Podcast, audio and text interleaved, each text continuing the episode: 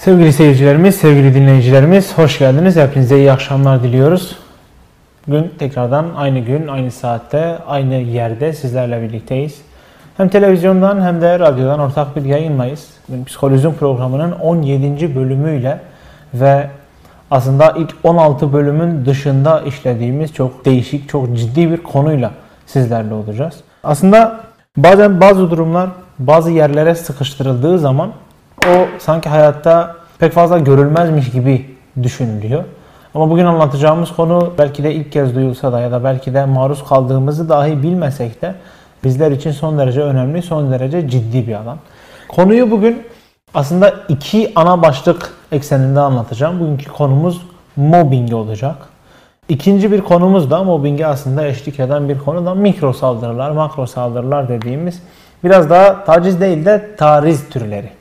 Ee, yani taşlamaya yönelik, e, bireyde bir etki yaratmaya yönelik bazı şeyleri sizlere anlatmaya çalışacağım.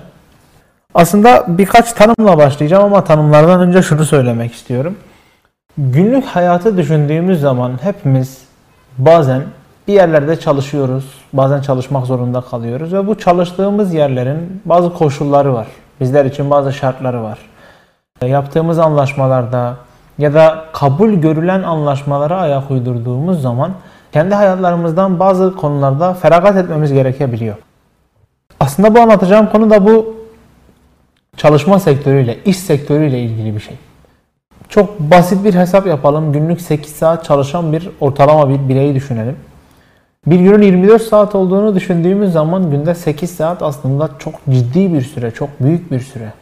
Ve aslında gün içerisinde en aktif olduğu zamanlar sabah ve akşam arasındaki en aktif olduğu zamanlarda bir amaç uğruna belli bir insan grubu ile entegre şekilde çalışıyor ve o amaca takım halinde ilerlemeye çalışıyor bu birey. Peki 24 saatin 8 saati yani bir günün üçte birini bir ömre vurduğumuz zaman bu oran nasıl olur? Bu sayı bizlere ne verir? Yaşantımızda doğduğumuz zaman belli bir süre çalışmadığımızı ama çok genç yaşlarda işe atı atılabileceğimizi ya da kendimize bu noktada bir alan belirleyebileceğimizi düşünebiliyoruz. Örneğin okulu bitiren ve işe başlayan bir insanı düşündüğümüzde işte 21, 22, 23 yaşlarında mevcut konjonktürde işe başlamış olacak. Bu işe başlaması uzun vadede ona şunu aslında düşündürecek. Senin 20 yaşından diyelim ki 60 yaşına kadar çalıştın. Yaşamının 40 yılındaki üçte birlik dilim. Ki bu da nereden bakarsak 14 yıl civarına, 15 yıl civarına tekabül eden bir oran. Ve dediğim gibi yaşımızın en aktif olduğu, dinamizmin en zirvede, en yüksekte olduğu çağlardan. Biz aslında bir yerde bazı şeylerin içerisine girip o potada ermeye çalışıyoruz. Peki. Ha bu arada bu dediğim şey çok ortalama şeyler için geçerli. Yani bugün günde 8 saat bir iş bulup çalışabiliyorsak bu elbette iyi bir şey ama 10 saat, 12 saat, 14 saat gibi artık insanüstü özellikler beklenen bazı durumlar mevcutlar. Elbette birçok birçok alanla ilişkililer. Ekonomiyle ilişkililer, dış politikayla, iç politikayla ilişkililer. Ülkenin kendi yönetim tarzıyla ilişkililer. Çünkü artık şekli demiyoruz bu yönetime. Bu yönetim bir tarz olmuş durumda. Yani ekonomik anlamda düşündüğümüz zaman bireylerin çalışma, çalışmama, çalışmayı seçme, çalışmadan kaçma durumları birçok farklı alanla ilişkili. Peki biz çok kaba tabirle ömrümüzün üçte birlik bir dilimini verdiğimiz çalışma süreci içerisinde psikolojik olarak nelerle karşılaşabiliyoruz? Neler bize bir problem durumu haline gelebiliyor? Ya da biz neleri kendi iç dünyamızda tolere edebiliyoruz? Bu sanıyorum sosyal psikolojisinin, iş, endüstri ve örgüt psikolojisinin bir konusu şeklinde sayılabilir. Ama burada anlattığımız zaman bir alan ayrımı, bir kendi sahamızda değil diye bir ayrım gözetmiyoruz. Çünkü biz burada konu uzmanı olarak size çok kesit, çok spesifik bilgiler vermiyoruz. Her, her hafta belli bir konuda insanların böyle üniversitelerdeki 101 derslerinde alabileceği gibi temel bilgilerle, temel tanımlarla, genellikle hem gerçek tanım hem etimolojik tanım hem birkaç dille ilişkilendirerek, bölgedeki yapısının nasıl olduğunu aktararak bazı şeyleri vermeye çalışıyoruz. O yüzden Konunun ismi farklı olsa da yabancı olsa da böyle gözümüzün korkmasına gerek yok. Açıkladığımız zaman zaten bunların çok basit, çok daha e, anlaşılabilir olduğunu hep beraber göreceğiz. Şimdi konumuz mobbing. Mobbing ne demek? Mobbingin ne olduğu Türkçe'de çok basit, Türkçe'de çok direkt çevrilen bir şey. Mobbing aslında iş yerleri içerisinde, kurumlar içerisinde görülen psikolojik taciz demek. Bu çok kaba bir çevirisi. Bunu daha iyi anlayabilmemiz için, anlayabilmemiz için önce biraz etimolojik tanıma bakmamız lazım. Sonrasında bu psikolojik tacizin ne olduğuna, bunların açılımlarının, türlerinin neler olduğunu anlamamız, bilmemiz lazım. Şimdi mobbing aslında eski dillerde Latince, Arapça vesaire olan bir kelime değil. Mob, M-O-B şeklinde yazılan 3 harfli İngilizce bir kelime. Bu aslında bölge İngilizcesi bakımından düşündüğümüzde daha spesifik bir anlam taşıyan e, bir kelime. Bunu direkt çevirdiğimizde bizde çete, sokak örgütü, belki çok zorlarsak işte militar, militanlık gibi bazı anlamlara gelen bir. Mobbing de aslında çeteleşme, bu çeteleşmeyi uygulama, bunu bireylerin hayatlarına müdahil olma çabası ile sergileme. Yani şu düşünülebilir. Mobbing fikren ortaya çıkabilir ama bu davranış haline geliyorsa aslında e, birkaç alanın birleşip bu soruna müdahale etmesini gerektiren bir kavram olacak. Bu alanda sanıyorum kendi yaptığım araştırmalar sonucunda en çok e, hukukla ortak çalıştığımızı, hukuk alanında beraber bazı şeyleri idame ettirdiğimizi söyleyebilirim. Programın ortalarına doğru yani mikro saldırılar dediğim alana hemen geçmeden önce size bununla ilgili Yargıtay'dan çıkmış olan 2013 yılındaki ve 2017 yılındaki iki ayrı kararı okuyacağım. Ve bu kararla aslında biz 4 yıl süre içerisinde mobbingin yayıldığını, yayılmasının kötü olduğunu ancak yayıldığı için insanların buna karşı bilinç kazandığını ve bilinç kazanmasının da bizler için iyi olduğunu aslında karşılaştırmalı şekilde öğreneceğiz. Mobbing İngilizce'de mob çeteden türeyen ve bunun kurumlar içerisinde bir kesit halinde bir zaman ve mekan içerisine dahil edilmiş şekilde bizlere yansıyan bir tür. Nedir peki burada neler olur, neler biter? Kendi içinde birçok türü var. Örneğin düşey mobbing var, dikey mobbing var e, ya da bazı davranışları biz mobbing olarak değerlendirebilir miyiz, değerlendiremez miyiz? Bunu da aslında sorgulayacağız hep birlikte. Bu mobbing türleri arasında en yaygın olan mobbing aslında düşey mobbing. Düşey mobbingi açıklayacağım, dikey mobbingi açıklayacağım ama mobbingin daha önceden aslında sadece belirli kademedeki insanlar arasında bir psikolojik taciz unsuru olduğunu, bu şekilde tanımlandığını söylemem gerekiyor. Yani direkt düz mobbing dediğimiz şey aslında bunu veriyor bize. İş yerinde ki psikolojik taciz demenin açılımı iş yerinde seninle aynı birimde olan, aynı sosyal statüde olan, senden davranış bakımından yahut varoluş bakımından herhangi bir fazlası eksiği olmayan birinin sana karşı uygulamış olduğu belki dominant karakter, belki manipülatif iletişim becerileri sonucunda seni hükmü, hakimiyeti altına alması. Bu tanım aslında mobbing için daha doğru, daha yaygın, daha bizden en azından şahit olduğumuz, bunun nasıl ortaya çıkıyor bu, bunu nasıl çözebiliriz diye düşünmeden önce hemen anlayabileceğimiz, algılayabileceğimiz bir alan. Kendi içinde dediğim gibi en basit olarak ikiye ayrılıyor. Bunlardan ilki düşey mobbing, ikincisi dikey mobbing. Ee, birinci ve ikinci olarak sıralamamın sebebi de daha yaygın görülme alanları. Yani bugün Diyarbakır üzerinde ya Türkiye üzerinde bir değerlendirme yaptığımız zaman düşey mobbingin dikey mobbinge göre daha yaygın olduğunu, daha fazla kişilerce, çevrelerce kullanıldığını söyleyebiliriz, aktarabiliriz. Peki düşey mobbing nedir? Çok kısa onun da bir tanımını yapalım. Düşey mobbing aslında bir itaatkar ve bir köle ilişkisi gibi yahut bir dominant ve bir pasifize edilmiş bir karakter ilişkisi gibi e, bir patron, bir çalışan, bir işçi, bir üst mertebede olan işte yönetici mi dersiniz ne dersiniz? Böyle bir ilişki sonucunda ortaya çıkan, tek taraflı görülen, yukarıdakinden aşağıya doğru gerçekleşen yukarıdan aşağıya doğru ne olur? Düşülür. Bu yüzden eğer bir üst yönetimden size bir mobbing uygulandıysa, yukarıdan size düşüldüyse buna basit tabirde düşey mobbing adını veriyoruz. Niye önemli düşey mobbing?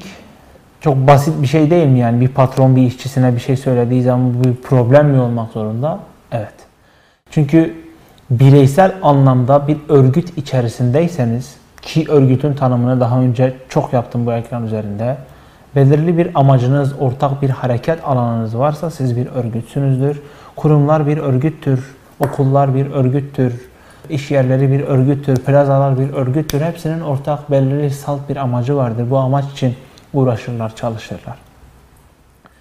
Siz bu örgütün bir elemanıysanız ve bu örgüt içerisinde bireysel anlamda bir problem yaşıyorsanız aynalama dediğimiz yansıtmayı yapacaksınızdır. Bu çok net, çok genel, çok yaygın görülen, kesin konuşuyoruz, böyle olabilir diyoruz aslında ama bu çok yaygın görülen bir tür. Eğer bir güdüleyiciniz yoksa, bu güdüleyici dediğimiz şey maddi anlamda düşündüğümüz zaman bir pekiştireç olarak düşündüğümüz zaman maaş olabilir. Bu aslında insanı daha çok davranış psikolojisi temelinde incelemeye yani bir duygusu, bir düşüncesi yokmuş da sanki bir denekmiş, e, bir fanus içerisindeymiş ve dış çevreden sürekli ona yapılan müdahalelere karşı tepkilerini ölçüyormuşuz gibi bizi itmeye aslında yarayan bir tür. Buna e, karşı olmalıyız çünkü düşünce ve duyguları biz bununla göz ardı edemeyiz. Düşünce ve duygunun dışında altıncı his diye aslında bizim adlandırdığımız, dillendirdiğimiz sezgileri biz aslında göz ardı edemeyiz. Bu tamamıyla egzistansiyalizme karşı bir söylem, bir harekat olmuş olacak. Düşey mobbing niye bu kadar önemli? Çünkü düşey mobbingde en küçük, en o şirket içerisinde hak sahibi, söz sahibi olmayan çalışanın bile davranışları, tutumları diğer yerlere yansıyacaktır. Diğerlere yerlere yansıması da ileri dönemlerde başka başka problemlerin ortaya çıkabileceğiyle ilgili bir hatırlatıcı olabilir bize. Şimdi aslında dikey mobbingin düşey mobbinge göre daha az görülmesi, daha az uygulanması ve dikey mobbingin düşey mobbinge göre daha belki de az tehlikeli olması durumu da gerçi bunu karşılaştırabilir miyiz onu bilmiyorum.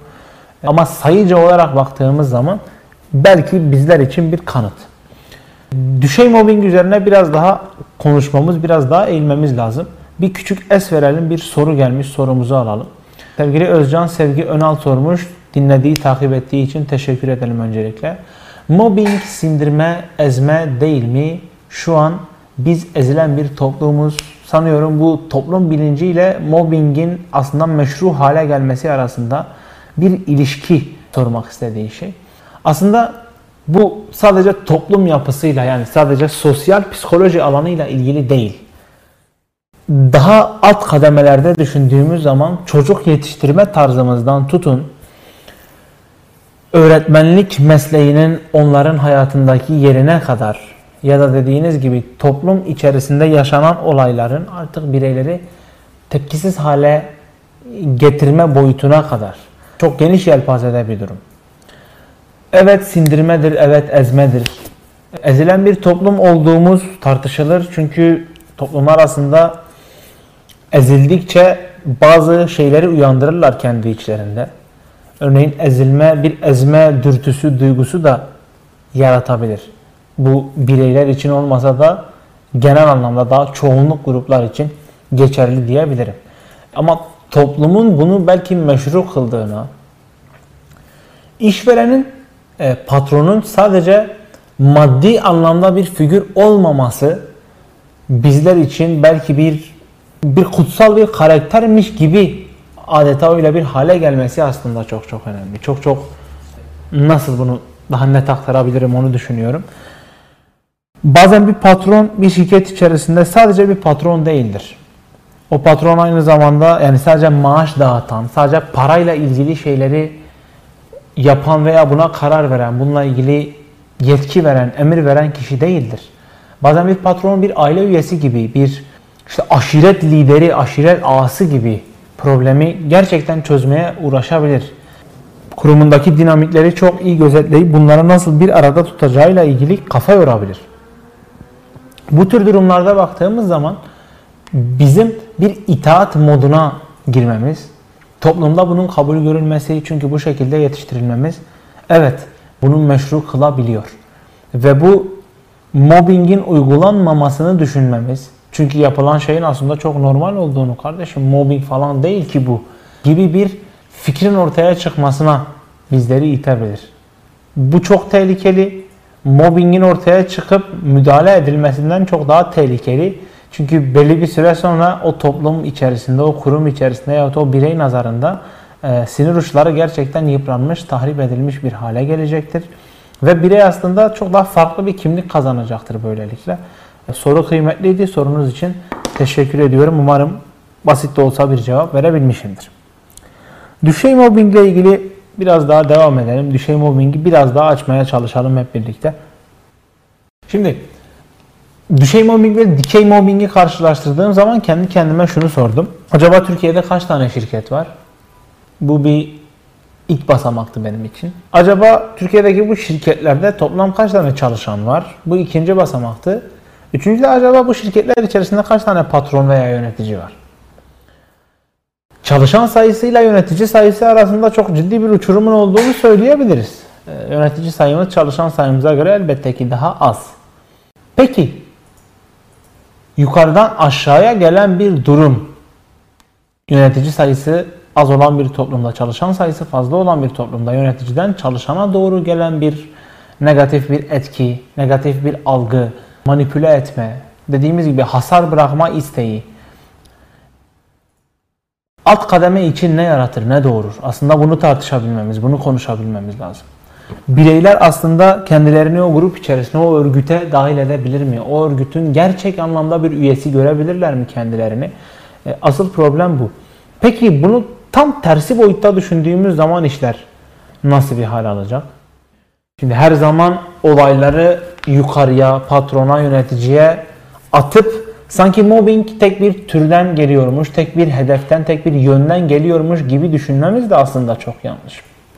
Mobbing bazen çoğunlukla yukarıdan aşağıya geldiği gibi bazı durumlarda aşağıdan yukarıya doğru da gidebilir. Bu biraz daha karışık bir durum. Çalışanlar örgütlenip, çalışanlar bir bir araya gelip yukarıda olan kim varsa onu sıkıştırabilirler. Ona psikolojik anlamda bir baskı, bir taciz uygulayabilirler. Bu durum yöneticinin yahut patronun farklı, hatalı, eksik bir karar almasına yol açacak ve bu kararın uygulayıcıları olarak da aslında şirketin yine tamamı hasar görecektir. Peki düşey mobbingden olmuş. Düşey mobbingde yukarıdan aşağıya geldiği için yine şirketin tamamı hasar görmüştü. Dikey mobbingde aşağıdan yukarıya gitti. Her şey çok farklıydı. Düşey mobbingle aralarında hiçbir benzerlik yoktu. Ama sonuç odaklı düşündüğümüz zaman şirket yine zarar gördü. Biz örgütün gerçek anlamda bir üyesi olarak kalkıp o şirketi kurtarmaya, o şirketin zararını engellemeye çalışıyorsak bizim mobbinge karşı duruşumuz hem düşey hem de dikey vaziyette net olmalı. Çünkü işçi olduğumuz zaman, çalışan olduğumuz zaman, zaman zaman etik ihlallere maruz kaldığımız zaman, haklarımızın yenildiğini gerçekten düşündüğümüz zaman biz aslında dikey mobbingi de kendimiz için bir meşru tavırmış gibi görebiliyoruz. Yani şunu düşünebiliyoruz. Yönetici bana yaparsa bu çok büyük bir problemdir. Ancak ben yöneticiye yapabilirim. Ben yöneticiye yaparsam dolaylı anlamda bir hak arayışı içerisine girerim. Peki mobilin temel anlamda ortaya çıkışı ne? Aslında ciddi bir iletişimsizlik, baskı, dayatı, hükmetme arzusu. Bu konuya biraz daha farklı bir perspektiften baktığımız zaman mobbing uygulayanın aslında bir aciz durum içerisinde olduğunu görüyoruz. Dışarıdan gelen baskılar sonucu yahut kendi içerisindeki dinamiklerle edinmiş olduğu izlenimler sonucunda birey o kadar küçülüyor ki gerçekten bu hani şey değil, şahıssa atılan bir laf ya da yahut karakteriyle ilgili bir problem değil. Psikolojik manada vermeye çalışıyorum bazı şeyleri ve ilişkilendirmeye çalışıyorum.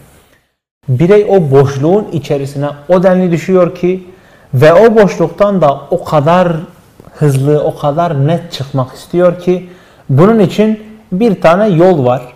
ya kendisi başlatacak, kendisi maruz kaldıysa yansıtacak, yansıttıysa bunu farklı farklı çevrelere farklı farklı tepkilerle verecek. Örneğin patronuyla arasında problem yaşayan bir insanın çocuğu bir sonraki gün ev ödevlerini yapmayıp okula gittiği zaman öğretmeniyle problem yaşayabiliyor. Çok uzun bir cümleydi aynısını tekrardan kurmaya çalışacağım. Çünkü bu cümleyi ben bile kurarken şunu düşünebiliyorum cümle bittiğinde. Ne alakası var? Bunlar arasında nasıl bir bağlantı olabilir? Patronuyla problem yaşayan bir emekçi, bir bireyin çocuğu o akşam ödevlerini yapmadığı için okula bir sonraki sabah okula gidiyor ve öğretmeniyle bu konuda bir problem yaşayabiliyor. Neden? Çünkü patronu çalışana bir şey yansıttı.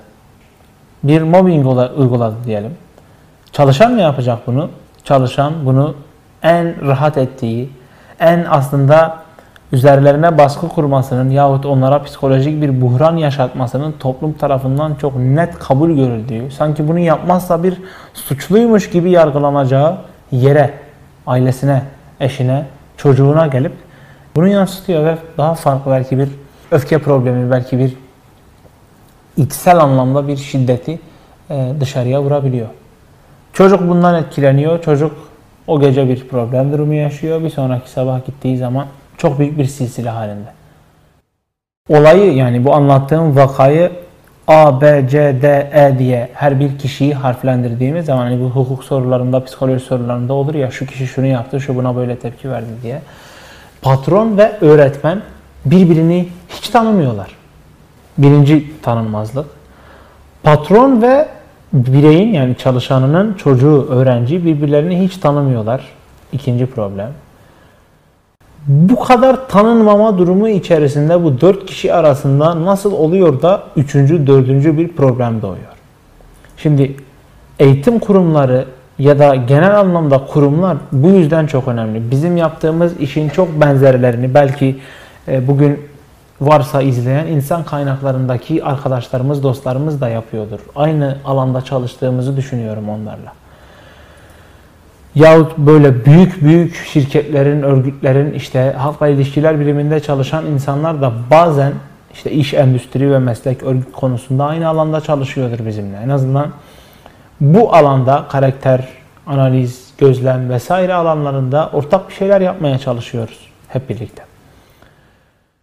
Ama düşündüğümüz zaman birbirini tanımayan bu kadar kahramanın olduğu bir yerde sonuç odaklı baktığımız zaman 4 kişilik hikayede 4 kişi de mutsuz olabiliyor. Patron çalışanına uyguladığı psikolojik taciz sonucunda bir vicdani problem yaşayabiliyor. Çalışan kendisine uygulanan psikolojik şiddet, psikolojik taciz konusunda kendini eksik hissedebiliyor. Tepki vermediği için kendine kızabiliyor patronunu kendisinden üstün olduğunu düşündüğü için kendi benliğine, kendi kişiliğine bir kasıtta bulunabiliyor.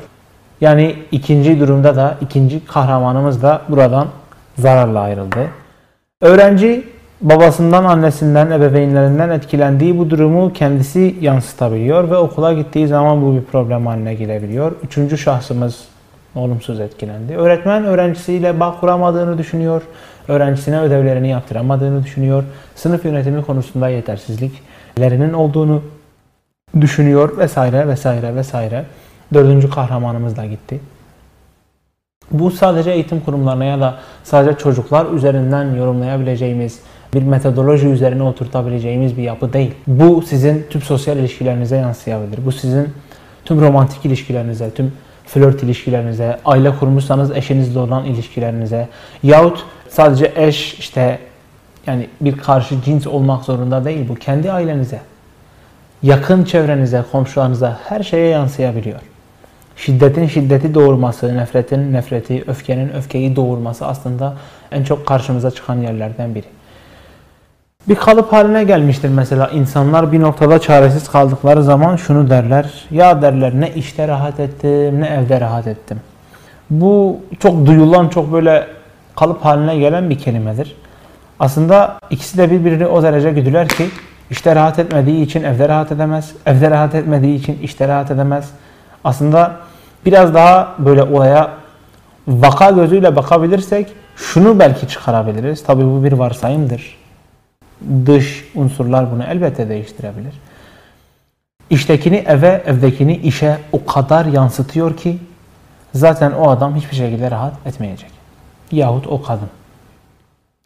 Aktarmak istediğim durum yine daha önceden söylediğim gibi bir hamile problem gibi, bir matruşka problem gibi yani tek görünen ancak kendiyle birlikte birçok problemi de aynı anda bulundurabilen, barındırabilen veya var olan problemleri uzun vadelerde saklayıp bir kere de ortaya çıkarabilen ve sanki kendisiyle hiç ilişki yokmuş gibi bir izlenim verebilen bir tür.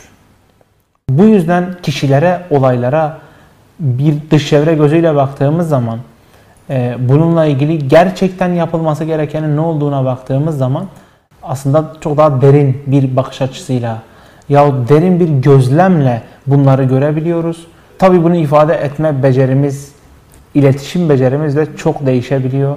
Bu noktada bireylerle görüşme yaptığımızda da aslında bu dediğim teknikleri yargılamadan yahut bir taraf tutmadan kullanmaya çalışıyoruz. Şimdi dikey ve düşey anlamda anlatmış olduğu mobbing buydu. Mobbingin kendi içinde birçok türü var. Sosyal var, leştirici var, ilerlemeci var, kışkırtmacı var, tahrik edici var.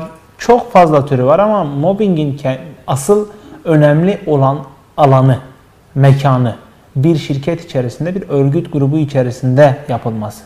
Sosyal çevrede yapıldığı zaman biz buna mobbing demiyoruz. Biz buna sözel bir problem mi var? Sözel tacizdir diyoruz.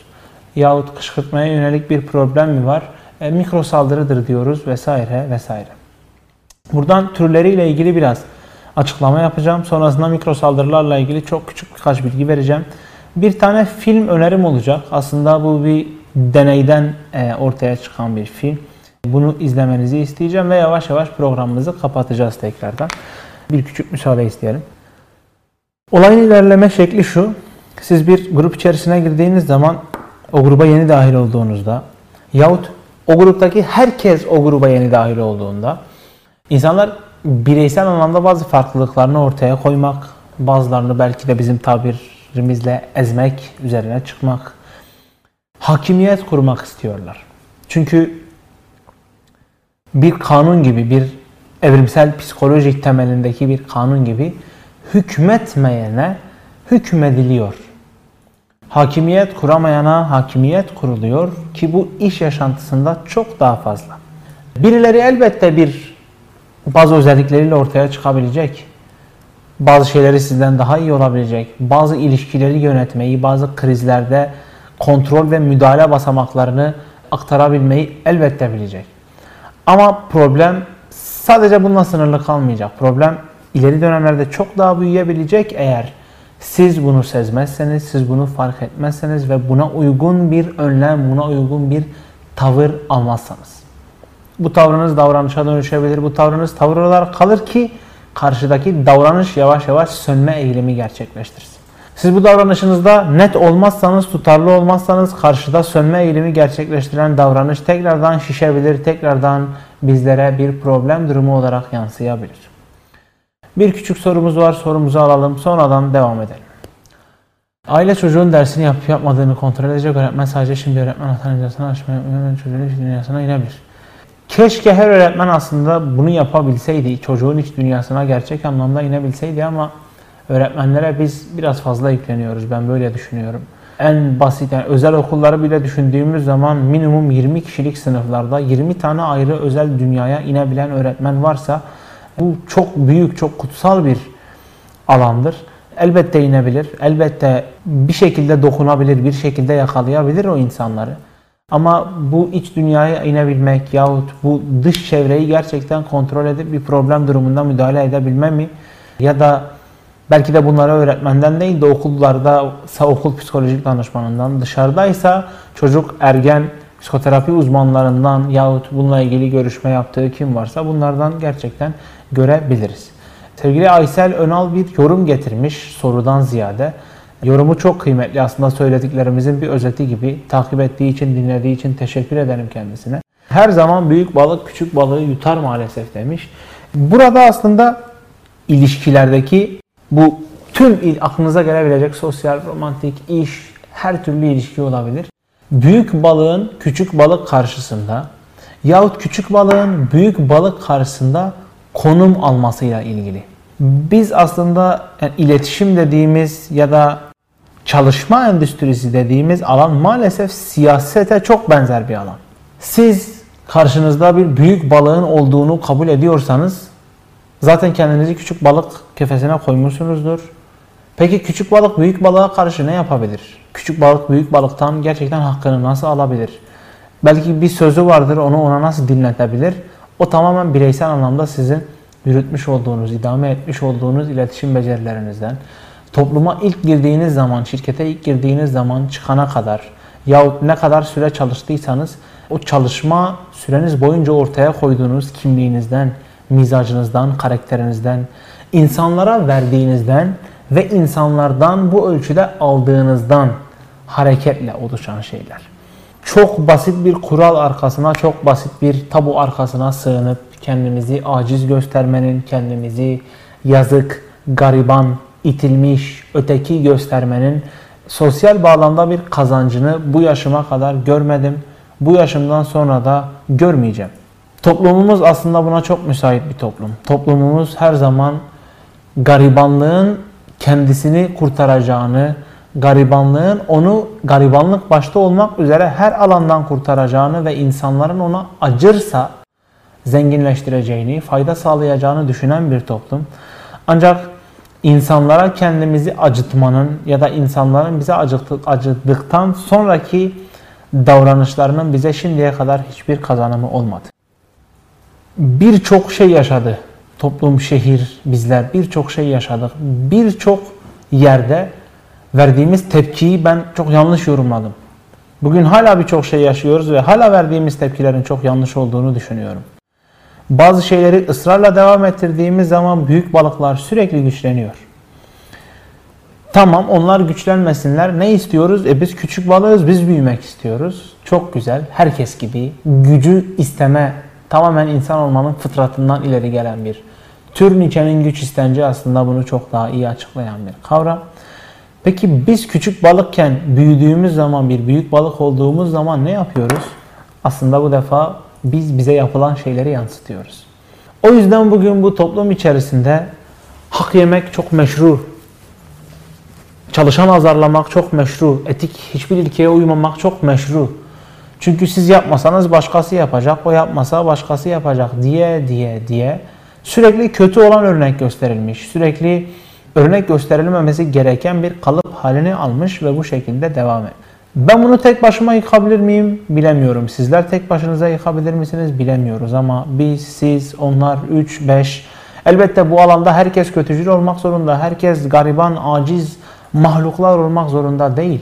Onurlu, şerefli, daha ilkeli olarak da aslında bir yaşam mümkün ve bu ilkeyi gerçekten oturttuğumuz zaman bu ilişkilerdeki toksik boyutlar ya da iş yerlerinde uğramış olduğumuz mobbingler sürdürülebilir olmayacaktır bence. Çünkü insanlar sizde bir şey gördükleri zaman buna başlayacaktır. Sizde bir şeyi devam ettirebilecek gücü yine sizde gördükleri zaman devam ettireceklerdir. Elbette hocam hırsızın hiç mi suçu yok? Elbette hırsızın çok suçu var. Elbette hırsız mizaç olarak böyle bir hal almış olabilir. Karakteri böyle yetişmiştir. Bu şekilde bir yetiştirme tarzından ileri gelmiştir. Kendisiyle ilgili kontrol edemediği çok fazla boyut vardır ve vahşileşmiştir, saldırganlaşmıştır. Elbette hırsızın çok suçu vardır. Ama hırsızın hırsıza nasıl davranabileceğini öğrenebilmesi lazım. Ya da küçük balığın büyük balığa yeri geldiği zaman sözünü nasıl geçirebileceği, kendini nasıl dinletebileceği, ni aktarabilmesi lazım. Bazen küçük balığın büyük balık karşısında kendi önemini vurgulayabilmesi lazım. Bu belki varlık yokluk problemiyle ilgilidir. Belki çok basit bir iletişim problemiyle ilgilidir. Ama umuyorum hayatımızın hiçbir alanında ne de olsa büyük balıklar bizi yutacaktır diye ömrümüz boyunca küçük balık olarak kalabilecek bir zihniyete sahip olmayız. Çok zamanımız yok. Konuyu hemen toplayıp e, önerimi verip veda edeceğim sizlere.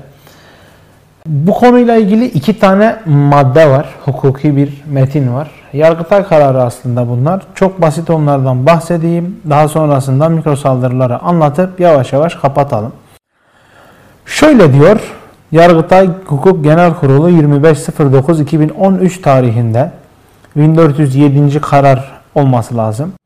Görüldüğü üzere bir eylemin psikolojik taciz olarak kabul edilebilmesi için bir işçinin hedef alınarak gerçekleştirilmesi, belli bir süreye yayılması ve bu durumun sistematik bir hal alması gerekir. Bizlerin tıpkı akıl hastalıklarında, e, psikolojik bozukluklarda DSM kitaplarını açıp şu şu şartları sağlıyor mu? Bu 9 şarttan 5'ini sağlıyorsa biz bu alanda bir eğilimi vardır diyebiliriz dediğimiz gibi bu da aslında bazı şartları sunuyor bizlere müdahil olma bakımından. iki alanı tek bir konu, tek bir vaka üzerinde çalıştırabilme bakımından. Belirtilen şartların gerçekleşip gerçekleşmediğini her somut olayda ayrı ayrı değerlendirmemiz gerekir. Psikolojik tacizin nedenleri farklılık göstermesine karşın amaç çoğu kez işçinin iş yerinden ayrılması istencidir. Bunu sağlamaktır. Bazen işçiler iş yerlerinden ayrılarak aslında o küçük balıklar büyük balıklara istedikleri şeyi verirler. Kendilerini kurtardıklarını düşünürler ama büyük balık kahkaha atar ve ben zaten bunu istiyordum iyi ki gitti diyebilir. Bu o an sizin şartlarınız, o anki duygu durumunuzla gelişen, değişen bir tür. Ee, bir de 2017 yılında ortaya çıkan yani üzerinden 4 yıl geçip mobbingin daha yaygın hale gelmesi ve bunun üzerine daha çok konuşulması, daha çok bilinir olmasıyla ortaya çıkan bir kararı vereceğim. Bu da 16.633. E, olması lazım. Mobbingde hedef alınan kişinin şerefine, kişiliğine, karakterine, inancına, değerlerine, yeteneklerine, tecrübelerine, birikimlerine, düşüncelerine, etnik kökenine, yaşam biçimine, kültür ve benzeri yönlerine topluca bir saldırı söz konusudur. Aslında mobbingin yapılabilecek en genel geçer, en kabul görülebilir, en mutlak tanımı budur. Tek bir problem yoktur mobbingle. Sadece sizin bir yönünüzü vurmazlar. Sadece sizi tek bir yönünüzle aşağılamak istemezler. Hiçbir şey bulamadıkları zaman fiziksel bir müdahale yaparlar. Fiziksel bir özelliğinizi bir alay konusu haline getirebilirler. Hiçbir şey bulamadıkları zaman etnik kökeninizin farklı olmasını bir alay konusu, bir ortam konusu haline getirebilirler. Hiçbir şey bulamadıkları zaman bir gün bir ortamda yapılan şeyi öyle büyük hikayeleştirirler, öyle büyük bir kahramanlık destanıyla bunu başka insanlara anlatırlar ki siz o hikayede her zaman ezilen, her zaman küçük balığın tuttuğu takımın desteklediği oyuncu olursunuz. Aslında 4 yıl içerisinde ve 2017'den 2021'e kadar da yeni 4 yıl içerisinde mobbingin çok fazla arttığını, iş yaşamının elektronik bir hal almasıyla birlikte Covid-19 sürecinde mobbingin elektronik bir hal aldığını, siber mobbing diye bir kavramın ortaya çıktığını ve siber psikolojinin son zamanlarda ciddi ciddi bununla ilgilendiğini bununla ilgilenmesi gerektiğini, siber güvenliğin artması gerektiğini, bireylerin bir plaza içerisinde değil de evlerinde bilgisayarları başında da mobbinge maruz kalabileceğini bizlere aktardı. Bunlar çok kıymetli, çok değerli çünkü birkaç yıl sonrasında da bunların farklı farklı şekillerde devam edeceğine dair bazı çıkarımlar yapmamızı sağlıyor. Bunlar da çok küçük, çok böyle iğneleyici, harekete geçirici, kışkırtıcı, bizim mikro saldırılar dediğimiz türlerle ortaya çıkabiliyor. Son bir önerimizi yapalım sonrasında müsaademizi isteyeriz. Aslında bu yapacağım öneri hem bir kitap hem bir sinema filmi hem sonrasında yanlış hatırlamıyorsam Ankara Devlet Tiyatrosu tarafından ilk olarak oyunlaştırılan bir tür 12 Angry Men diye çevrilen 12 kızgın adam yahut 12 öfkeli adam, 12 kaba adam artık nasıl çevriliyorsa oradaki İngilizce birebir karşılıkta ama genellikle 12 öfkeli adam diye çevriliyor. Bir deney sonucunda insanların aslında birbirlerine karşı ne kadar merhamet duygularını kaybedip kaybetmeyeceklerini ölçmeye çalışıyorlar. Bu iş, endüstri ve örgüt psikolojisinin aslında temel anlamda ortaya çıktığı, sosyal psikolojinin bu bağlamda üzerine ciddi çalışması gerektiğini ve her şeyi bir yana bireysel anlamdaki psikolojik durumun tahlillerinin yapılmasını gerektiği bir tür bir yapıt bizler için. İsterseniz kitabını okuyabilirsiniz, isterseniz filmini izleyebilirsiniz. Tavsiyem tiyatro oyununu izlemenizdir çünkü çok daha gerçekçi, çok daha net verilmiştir ve çok da fazla zaman kaybı yaşamazsınız benim verdiğim bir tavsiyeden ötürü. Bunu izleyip aslında bu anlattıklarımı bir de onu izledikten sonra düşünebilmenizi, kendi hayatınızda bununla ilgili nasıl bir değişim, nasıl bir fark yaratabileceğinizi sorgulamanızı isterim. Umuyorum bugün sıkmamışımdır sizi. Umuyorum konuyu derinlemesine aktarabilmişimdir. Daha basit cümlelerle daha net şekilde ortaya koyabilmişimdir. Bugün Psikolojim programının 17. bölümünü sizlerin desteğiyle, sizlerin emeğiyle geride bıraktık. Bendeniz psikolojik danışman Haydar Alper Eser. Önümüzdeki hafta pazartesi günü 20.15'te Ahmet TV ekranlarında Psikolojim'in 18. bölümüyle sizlerin karşısında olmayı diliyorum ve o güne kadar hepinize sağlık, selamet diliyorum. İyi akşamlar.